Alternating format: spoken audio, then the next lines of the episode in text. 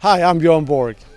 I'm the winner 1979 of this great tournament in Rotterdam.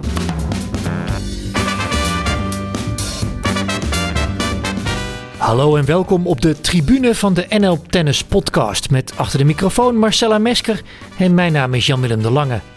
Ja, aan de intro heb je al kunnen horen waar deze en ook de komende podcasts over zullen gaan, namelijk het 50-jarig jubileum van de ABN AMRO Open. Sinds jaar en dag het grootste tennistoernooi van Nederland. Dit jaar van 11 tot en met 19 februari in Rotterdam Ahoy. Met ook dit keer weer een mooie waaier aan deelnemers. Denk aan wereldtoppers als Medvedev, Tsitsipas, Ogier Aliassim, maar ook Nederlanders met Botik van der Zandschulp en Tim van Rijthoven. Behalve de actualiteit duiken we in deze podcast natuurlijk ook in de rijke historie van de ABN AMRO Open. Sinds 1974 stonden er talloze legendes op de baan in Rotterdam Ahoy. Van Okker tot Ash, van Borg tot Connors en van Hewitt tot Federer. je kunt rustig zeggen een halve eeuw een podium voor de huidige en aanstaande wereldtop. Tegelijkertijd is het sinds 2009 ook een strijdtoneel voor rolstoeltennis op het allerhoogste niveau. Eerst alleen voor de mannen, maar dit jaar voor het eerst is er ook een vrouwenrolstoeltennistoernooi met natuurlijk Diede de Groot als absolute favoriete. Onze hoofdgast deze aflevering is de toernooidirecteur en tweevoudig winnaar Richard Krajcek. Toen hij won in 95 en 1997 heette het nog het ABN AMRO World Tennis Tournament en nu dus onder een nieuwe naam. En ook krijgt u een mystery guest voorgeschoteld. Er schuift een Nederlander aan die in Ahoy zowel van Yannick Noah, Boris Becker en Ivan Lendl won. En we hebben een prijsvraag waarmee u kaarten kunt winnen voor een hele mooie plek langs de baan dit jaar. Maar voordat we onze gasten erbij halen, ja, Marcella, laten we jouw band met het toernooi er even bij gaan halen. Want jij bent er vanaf 87 bij als commentator, toch? Ja, ik ben inderdaad in 1987 begonnen als tenniscommentator. In die periode raakte ik geblesseerd. En toen kwam ik in contact met eh, de NOS. En mocht naast Heinze Bakker in het commentaarhok zitten. En al die jaren, dit is wel grappig, heb ik tegen allerlei journalisten verteld. dat ik mijn uh, ja, commentaarcarrière begon bij de finale in Ahoy. Die finale van Edberg tegen McEnroe in 1987. Nou, ter voorbereiding op deze podcast leek het ons leuk om een stukje van mijn allereerste commentaar met Heinze te laten horen. Uh, wij luisteren bij Beeld en Geluid en uh, gekeken in de archieven van de NOS. Ja, en wat blijkt, toen we die finale hoorden, zit daar ineens Michiel Schapers naast Heinze Bakker tijdens die wedstrijd commentaar te geven. Nou ja, echt hilarisch, want ik weet gewoon niet meer op welke wedstrijd ik dan heb gezeten en waar ik dan als eerste het commentaar heb geleverd. Misschien was het de halve finale dat jaar, of misschien was het zelfs een jaar later, 1988. Ja, dat moeten we nog maar eens uh, zien te achterhalen. Maar goed, de rijke historie van het toernooi begon natuurlijk veel eerder. Om precies te zijn op 25 maart 1974. Toen won de pionier van het vaderlandse tennis, Tom Okker, de allereerste editie van het ABN AMRO World Tennis Tournament, zoals het toen nog heette. Hij versloeg de Amerikaan Tom Gorman in drie sets. Maar een jaar later stond hij daar weer, in 1975. Okker speelt dan tegen zijn goede vriend Arthur Ashe en herinnert zich deze bijzondere Amerikaanse tennislegende nog heel goed. Arthur was een uh, uh, vrij stille jongen. Hij, uh, ik ken hem heel goed. Ik ben voor het eerst ontmoet ik hem geloof ik in 1964 in Australië. En toen speelde hij al goed. Hij was rustig. Ik uh, ben bij hem thuis geweest en ik was goed bevriend. En hij is ook hier in Hazerswoude, waar we nu zitten, is uh, Ash ook gelogeerd. Heeft meegedaan dus een paar keer in Rotterdam. Ik heb uh, in de finale van hem verloren een keer, terwijl hij bij mij thuis logeerde. Dus het was dat was niet erg aardig van hem natuurlijk. Nee, maar gewoon aan de keukentafel met elkaar en dan, ja, en dan s'avonds een partijtje spelen. de finale, ja, ja, zo ging dat. In het Rotterdamse sportpaleis Ahoy heeft Tom Okker na een met 6-3 gewonnen eerste set...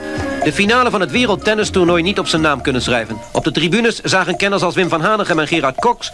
hoe Okker vooral door de genadeloze opslag van Ash naar een nederlaag werd gevoerd. Nog een aardig feitje uit die tijd. Het totale prijzengeld bedroeg toen 70.000 dollar, waarvan de winnaar 12.000 dollar mee naar huis kreeg. Toen een heel groot bedrag. Euro was er nog helemaal niet.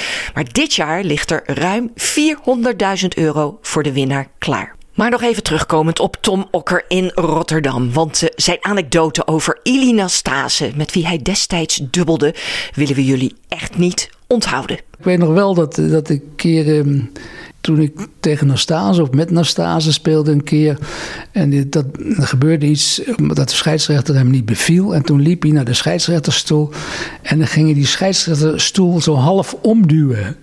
Dus die, dat is een hoge stoel. Dus als je bovenin zit en je begint te schommelen, is levensgevaarlijk. En uh, dus dat was bijzonder grappig. Maar ja, als je het tegenwoordig doet, dan word je voor het leven geschorst, denk ik. Ja, en van Okker gaan we door naar de man die inmiddels langer de touwtjes in handen heeft van het toernooi dan dat hij tennisprof was. Richard Krajcek heb ik het over. Tweevoudig winnaar in Ahoy en de man die misschien wel de meeste meters heeft gemaakt dan wie dan ook in dat complex. Maar hoeveel weet hij zelf eigenlijk van het toernooi? Dat gaan we nu van hem horen. En de opkomstmuziek wordt, net als in Ahoy, verzorgd door Afrojack. Wij beginnen met jou met een kennisquiz. Dus uh, aan tafel. Ja, de, aan tafel de zuchtende toernooidirecteur Richard Krajcek. Uh, die we warm gaan maken met een kennisquiz. Een kennisquiz over het toernooi. Ja, want... dat, daar, daar is de zucht van. ja, precies. En als iemand alles weet over het toernooi, dan is dat natuurlijk Richard Krajcek. Wie zei Richard? Ik voel me net een voetbalkeeper die 100 strafschoppen moest stoppen. Uh... Het heeft met jou te maken. Nou, als het met mij te maken heeft. Uh, ja, ik weet niet. Misschien was dat wel uh, uh, Haarhuis tegen mij in de finale. Helemaal goed. Oh, ja, okay. ja, ja, dus daar serveer ik. Uh, al, ja, het is lastig om over jezelf te zeggen. Maar van, nee, ik serveerde exceptioneel goed die dag, weet me wel. De, uh, ik was zelf verrast over. Ik serveerde oké okay, die hele week. Maar ik wist, Paul was natuurlijk een hele goede retourneerder. Ik denk, het wordt lastig. Maar ik serveerde zo goed. Alles viel voor mijn gevoel allemaal in. En, en het was nog een close potje. Dus, uh, nee, dus ja, dus daarom dacht ik van, nou, dat zou hij wel eens gezegd kunnen hebben. Dan gaan we wat dieper in de historie, maar oh misschien ook wel iets wat je weet. Want voor wie moest er nou altijd zaagsel bij de umpire-stoel ja, gelegd worden? Ja, dat is makkelijk. Dat is uh, Ivan Lendl. Ja, ja, ja ouderwets, hè, om, om natuurlijk zijn handen droog te maken op de racketgreep. Uh, Komt dat nog voor überhaupt nu? Nee, en vroeger had je dus echt, uh, er was altijd een dedicated ballenjongen of meisje die met zo'n bezem moest schoonmaken. Want ja, daar glijdt natuurlijk wel over uit eigenlijk, over dat zaagsel. Wie komt er eigenlijk het liefst voor de hagelslag naar Rotterdam? dat is Tsitsipas. Ja. Had dat, ge, in, of, had dat getweet of in, in, in zo'n zo'n filmpje gezegd toen. Ja. Ja, hij komt dit jaar natuurlijk ook weer. Dus ja. uh, de hagelslag staat vast uh, klaar. Zeker, ja. Ja, past ook alweer een beetje bij mij. Hè? Terug naar de historie. um, heel lang geleden. Jij Welke... zegt het maar zelf. Ja, dat zijn jouw woorden. nou, je... Welke oud-deelnemer keerde ooit terug, niet met een racket, maar met een gitaar? Ja, ik denk dat het twee waren. Uh, althans, uh, ja, John McEnroe, maar Yannick Noah. Maar Yannick Noah die speelde geen gitaar, die zong toen, volgens mij. Zo was het, ja. ja dus weet John je nog McEnroe, waarom dat gebeurde? Uh, nou, het was, ze, hebben, ze gaven een concert in het kader, ik weet niet, 25-jarig uh, jubileum. Ja. Hij zegt het allemaal zo ik weet het niet precies, maar stiekem nee, weet het jubileum was, maar ik wist niet welk jubileum het was. Klein in. Oké, oké. Okay, okay. Dan, dan, deze weet je vast niet. Wanneer was het voor de eerste keer dat er meer dan 100.000 bezoekers naar Ahoy kwamen? Uh, dat was in uh, 2004. Dat was een bijzonder jaar sowieso, hè? Het was mijn eerste jaar toernooidirecteur en ik had dat toen intern in ieder geval uitgesproken als ambitie. We hadden nooit 100.000 gehaald en het jaar daarvoor was zelfs onder de 90.000.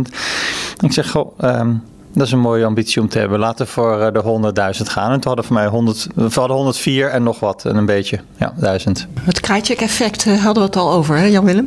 Ja, daar maken wij er al gewoon van. Tot zover de quiz met Krajcek, die toch wel messcherp van alles oplepelt over het toernooi. Maar wat kan hij zich nog herinneren als het gaat om zijn eigen allereerste stappen in Ahoy? Als jongetje bijvoorbeeld, met een kaartje. Dus hier komt wederom Richard Krajcek. Als bezoeker uh, uh, ja, waren een paar momenten dat ik me kan herinneren. Eén uh, was dat ik uh, mijn ouders die kenden wat Tsjechische mensen en die kenden weer onder andere met. Dus dan um, kon ik zelfs in die Players Lounge komen. Dan kon ik daar even kijken. En toen zag ik dat echt tot hij de baan op moest, dat uh, Miroslav achter het computerspelletje zag. Zo'n kast, hè, want nu heb je het allemaal op je telefoon. Zo'n groot stond hij computerspelletje spelen. En die referee kan hem echt letterlijk wegtrekken, fysiek. Van je moet nu echt naar de baan gaan. En dan ging hij nog half, terwijl hij werd weggetrokken, nog even snel uh, nog een paar uh, vliegtuigjes neerschieten. Of weet ik wat hij aan het doen was. Om zijn potje af te maken. Ik, oké. ik kreeg altijd verwijt van mijn ouders dat ik te veel met computerspelletjes bezig was. Maar ik denk, hé, hey, kijk eens. Dus dat was één ding. Het andere ding was kon ik hier beneden, helemaal beneden in zo'n fitbox zitten. En er is natuurlijk zoveel licht daar eigenlijk. Maar ja, dat uh, had ik even niet door. Uh, of dat snapte ik niet. Dus ik heb toen de, de fotostel op flits gezet. En ik zat daar gewoon te flitsen langs de kant. Dus dat was ook niet een goede actie. Uh, ander moment, derde moment wat, wat ik, ja, veel dingen kan herinneren, was dat ik in het publiek zat. En ik had een blikje cola. Of fris in ieder geval. En uh, dat was nog die ouderwetse blikjes. Toen moest je echt dat hele lipje eraf trekken. En dat, ik was best wel jong nog, denk uh, tien of zo. Of, uh, in ieder geval. Maar dat ging af en toe lastig. En toen kreeg ik dat laatste stukje los en ik trok zo hard eraan. En toen het eenmaal loskwam, toen schoot mijn blikje naar voren. En die man voor me, die, die, uh, ja, die kreeg een lading cola in zijn nek. En, uh, dus die was boos. Die vrouw naast mij, uh, die moest lachen, weet je wel. En ik, uh, ik schaamde mij, zou ik maar zeggen. Ja, het is alsof je op de tribune van Ahoy zit met het werk van Afrojack in deze podcast. Goed, tot zover deel 1 van het optreden van Richard Krajcek in deze aflevering. Later horen we meer van hem. Nu is het tijd om van een van Richards generatiegenoten te horen. De man die in Ahoy won van Yannick Noah, Boris Becker en Ivan Lendl. Ik heb het over reuzendoder Paul Haarhuis. Hij verloor trouwens ook een pijnlijke wedstrijd, namelijk de finale van 1995 van Richard Krajcek. Ja, en dat is de man die natuurlijk later de regie zou krijgen over het evenement. En dat was, net als bij al die aces die Krajcek sloeg, iets wat Haarhuis niet echt aan had zien komen. Ik was uh, op het moment dat ik hoorde dat ze Richard hadden gevraagd om toernooidirecteur te worden en hij ook ja zei, was ik echt, echt ongelooflijk verrast. Ja, ja nou, ik zag in Richard totaal geen persoon die met, met veel met grote groepen mensen om zou gaan. Daar had hij heel veel moeite mee. Als je hem zou zeggen, kun jij voor een grote groep gaan speechen? Nou, uh, dat was het laatste waar hij zin in had of waar hij goed in was. Dus, dus ik was wel heel erg verrast door deze keuze. Um, maar ik denk dat, dat hij daar A, heel in gegroeid is door de jaren heen is. En dat het voor hem ook een, best wel een, een persoonlijke belangrijke keuze is geweest. Omdat hij als persoon daarin gegroeid is dat het voor hem ook stappen heeft betekend in zijn persoonlijke ontwikkeling. En, en daarnaast vind ik uh, dat hij het gewoon heel goed heeft opgepakt en gedaan heeft tot nu toe als, als, als, als toernooidirecteur. Dus ja, achteraf zou ik nu zeggen, nou, dat was een hele goede keuze. Um, Kun je concreet zeggen wat hij dan, waar hij dan kennelijk goed in blijkt te zijn? Nou, gewoon toch om, uh, om, om die mensen te woord te staan en de mensen mee te denken hoe kunnen we dit toernooi succesvol laten verlopen? Hoe kunnen we spelers, hoe kan ik die spelers omarmen dat ik ze graag laat merken dat ze hier aanwezig zijn.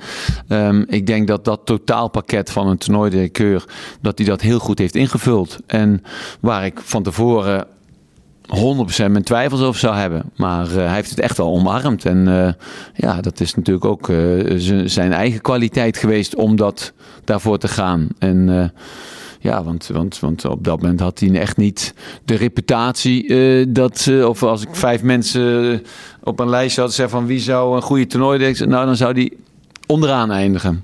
Dat was de perplexe Paul Haarhuis. En dan nu iets heel anders. Het is namelijk tijd voor Jawel, de vaste rubriek van deze ABN AMRO Open podcast. Namelijk onze Mystery Guest.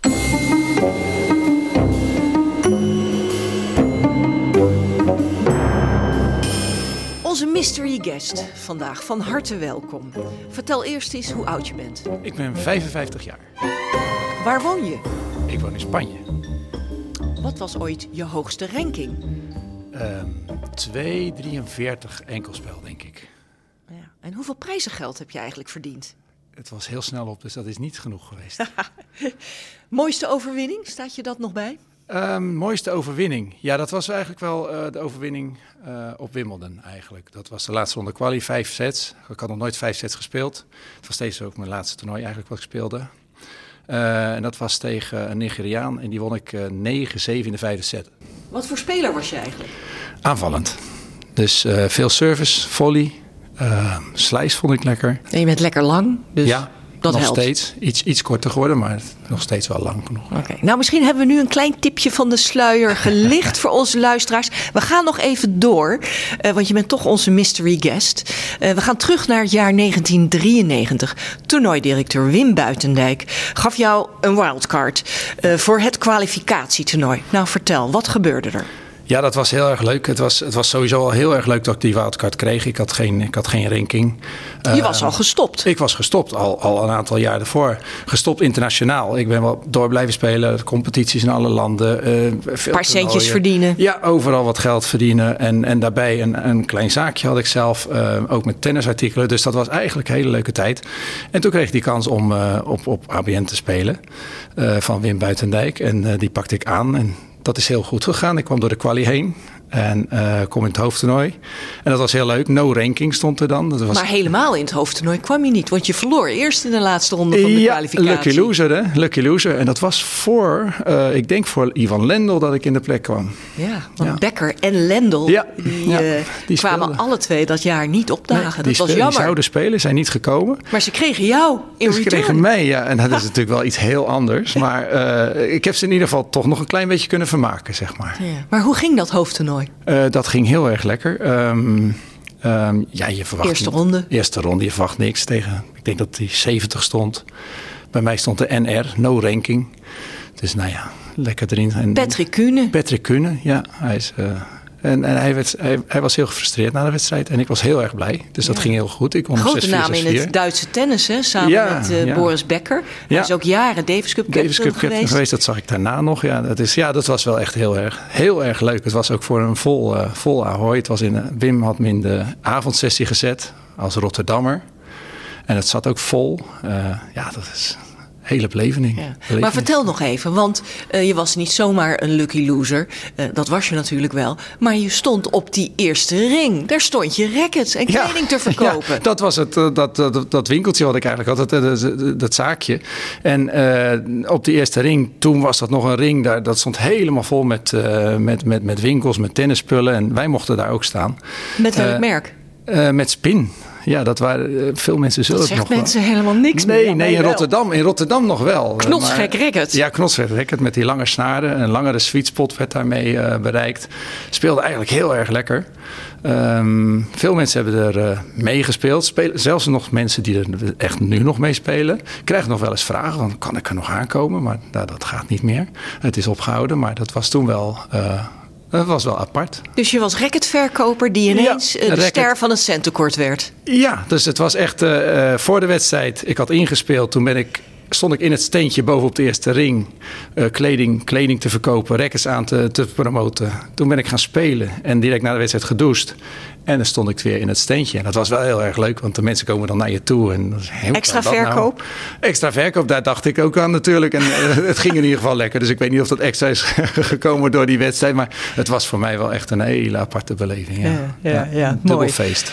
Je woont in... Uh... Spanje. Je bent natuurlijk uh, Schiedammer, Rotterdammer van huis ja, uit. We kunnen het ja. nog een klein beetje horen aan je accent. Ja. Um, maar we gaan nu, als de luisteraars nog niet weten, verklappen wie je bent. Stel jezelf even voor. Um, ja, ik ben Ralf Kok. Ik was uh, proftennisser, zoals we net uh, een beetje hebben uh, laten doorschemeren. Uh, niet heel erg lang. Ik ben vrij vroeg gestopt. Dat was na, de, na die wedstrijd ben ik gestopt eigenlijk. Tot slot nog een boodschap voor alle mensen in Rotterdam dadelijk. Ja, nou ik hoop dat jullie allemaal genieten van het prachtige ABN, ABN AMRO toernooi. natuurlijk ontzettend gefeliciteerd met het 50-jarig bestaan. En ehm, ja, het is het mooiste toernooi van Nederland, denk ik. het grootste toernooi. Uh, iedereen genieten, veel publiek erop af en koop een mooie winnaar. Ja, Ralf Kok was dat dus. En wat een heerlijk verhaal over een onwaarschijnlijke overwinning in Ahoy. Het bleef trouwens bij die ene zege, want in de tweede ronde verloor Kok van de Italiaan Omar Camporese. En die Camporese, dat is ook nog wel een naam om even bij stil te staan. En dat heeft alles te maken met zijn winst in 1991. Dit is een fragment uit die finale. En wat gebeurt er? Het is of we een soort herhaling krijgen van de wedstrijd Cheng Lendl. ook zo'n raar verloop. Maar Omar Camporesi, hij krijgt twee matchpoints tegen zich weet de wedstrijd dan toch fantastisch naar zich toe te trekken. We luisterden hier naar die finale van 1991. Ja, ik weet het nog goed. Het was een hele lange partij, lange zit ook voor mij, van bijna drie uur. En die Omar Camporese, die sympathieke Italiaan, die pegelde zijn voorhands in alle hoeken van de baan. En Lendl werd nerveuzer en nerveuzer. Ging ook steeds meer aan zijn wimpers uh, trekken. Een tik van hem als het spannend werd. Ja, waarschijnlijk had hij er niet veel meer over aan het eind van de wedstrijd. Want die won Camporese. Heel verrassend. Lendl kan zich trouwens zelf niet zo heel veel meer van uh, deze wedstrijd herinneren. My memories are not so good because uh, I never won there and uh, I lost the finals one year. I think I had a couple match points and lost in the semis at least once or maybe more. So I always wish I could have won. En opnieuw een misser van Lendl. Lendl dus, een beetje teleurgesteld uh, nog over die gemiste matchpoints van meer dan 30 jaar geleden. Mooi. Terug dan naar Richard Krajcek. Over zijn hoogtepunten als speler is uh, eigenlijk al genoeg gezegd in de loop der jaren. Maar wat zijn nou zijn highlights als toernooidirecteur? Nou, dat is uh, zijn eerste jaar. met die mooie toeschouwersaantallen. Maar ook het jaar van de superfinale met Leighton Hewitt als winnaar. En het andere absolute hoogtepunt, dat vertelt hij zelf. Vanaf die woensdag voor het toernooi, toen we hem aankondigden s'avonds, toen hebben we iedereen, want we wisten een paar uur van tevoren dat had hij eindelijk ja gezegd, want we zaten al een paar dagen op te wachten op zijn ja. Iedereen teruggeroepen van de kassa, zou ik maar zeggen. Want we wisten van, nou, het gaat nu los uh, met de kaarten. En het ging ja, ongelooflijk los, moet ik zeggen. Want we waren echt goed verkocht dat jaar al. En uh, ja, we zouden denk ik op ruim 110.000 kaarten uitkomen. En dat is, ja, dat is wel redelijk normaal. Of dat is, dat is een goed jaar voor ons. En opeens, we Federer aan. En de volgende ochtend, dus 12 uur later, niet eens 12 uur later, hebben we 10.000 kaarten extra verkocht. Kijk, dat die 10.000 kaarten verkoopt in zo'n snelle tijd, dat is op zich niet bijzonder als je dat een half jaar van tevoren doet. Maar als jou eigenlijk iedereen zijn kaart al heeft die zijn kaarten wil hebben, dat je dan opeens zo'n boost hebt, ja, dat was wel heel bijzonder. Dus daar begon eigenlijk van wauw, wat gaaf en alle aandacht. En dat hij nog nummer 1 wordt en hij wint zelfs het toernooi. En ja, het was wel heel, uh, heel bijzonder. Dus dat, uh, ja, dus de, samen het eerste jaar en, en dus de Federer nummer 1 werd, dat zijn mijn twee meest bijzondere momenten van het toernooi. De grote vraag natuurlijk, wat komt er allemaal nog bij aan memorabele momenten? Er zijn ook dit jaar in ieder geval weer genoeg ingrediënten aanwezig om er weer een mooie editie van te maken. Eerder noemden we al de aanwezigheid van spelers als Medvedev en Tsitsipas, maar ook een hele sterke opkomer als Holger Rune is van de partij. Ja, het is weer een beetje aan het veranderen naar de oude tijden, zou ik maar zeggen, van toen ik speelde. In de vorm van dat, dat jonge mensen weer de kans hebben om top 10 te staan. Je hebt natuurlijk Alcaraz staat nummer 1 en die Rune staat nou, nu 11, maar heeft even top 10 ook gestaan. En de tijd met Federer, Nadal, Djokovic en Murray, uh, dat die muur er was, zou ik maar zeggen, van die, van die vier spelers. Um, ja, toen, toen kwamen de jonkies niet aan te pas. En nu uh, is het gemiddelde leeftijd van de top 100 spelen weer behoorlijk omlaag uh, geschoten. En, um, uh, dus ik denk dat dat ook een andere tijd weer aan gaat breken. En dat er gewoon weer, ja, dat we jonge mensen echt weer in de top gaan zien. En, en Rune en vooral Alcaraz zijn natuurlijk de eerste die dat hebben laten zien. Dat voor wat betreft de ontwikkeling van het tennis aan de top. Veel wisselingen zijn er geweest in de loop der jaren. Maar hoe anders is het als we kijken naar de sponsor van het toernooi, ABN AMRO? Een unieke verbintenis tussen bank en toernooi. En daar wil Krajcek graag even bij stilstaan. Heel dankbaar voor ABN AMRO. Dat is denk ik het eerste woord. Uh, uh, het tweede woord dat we partner zijn van elkaar. Uh, en, dat, ehm, ja, en, en, die twee woorden eigenlijk, die komen tot uiting in zoveel dingen. Onder andere dat we zo lang samen zijn. 50 jaar gaan we vieren samen. 50 jaar toernooi, 50 jaar ABN AMRO. Ehm, en, maar ook de twee coronajaren. Uh, we hebben van meerdere toernooien gehoord dat sommigen kregen zelfs een mailtje van een hoofdsponsor van nee, omdat er geen publiek is, hoeven we nog maar weet ik veel, 10% of 20% van de, de, totale sponsorbudget te betalen en uh, succes ermee. Ja, dus die toernooien, ja, die moest zeggen van we slaan even een jaartje over, want we, hebben geen publiek, dus we hebben geen geld. En ABN AMRO zei tegen ons in augustus al, dus dat is zeg maar, uh, zeg maar zes maanden voor, voor het ABN AMRO toernooi begint, um, van um, wij dekken jullie helemaal af eigenlijk, wat, wat, wat er ook gebeurt. Dus uh, het toernooi gaat gewoon door. En, en dat hebben ze het jaar daarna weer gezegd. Dus ja, wij konden toen nog gewoon doorplannen, het eerste jaar meteen. En uh, toen was het prijsgeld gehalveerd omdat er geen publiek was. En we hebben nauwelijks uh, startgelden betaald omdat we gewoon, um, ja, we hadden zoiets van, om, eigenlijk ook omdat er geen publiek was, we willen gewoon dat het toernooi loopt. En heel veel spelers kwamen toch wel, want die waren blij dat de toernooien werden georganiseerd. maar dat is allemaal dankzij ABN AMRO. We beginnen bij het tennis. In het kader van het ABN Tennis Toernooi dat deze week in de Rotterdamse Ahoy-hal gehouden wordt. Ja, we gaan zo richting het einde van deze aflevering en ik ben benieuwd wie de stem zo snel herkende. Het was namelijk de stem van Joan Haanappel, voormalig kunstrijdster en oud-collega trouwens van Marcella bij de NOS. Ja, en van Haanappel komen we bij het cadeau dat we mogen uitdelen. Want u kunt twee kaarten winnen voor de ABN AMRO Open 2023, volgende maand dus. Hier komt de vraag. Wie won de eerste jubileumeditie van het toernooi? En dus in 1978. We horen hem in dit fragment met wederom Joan Haanappel. Naast mij celebrity guest, of in het Nederlands stergast. We are very happy to have you here and that you could make it from Rotterdam. Also, congratulations on your, as far as I could see, easy victory. Well, it's uh, never quite as easy as, uh, no, as sometimes it is, but uh, I played well today. It was good for me. Ja, ja, wie hoorde u hier?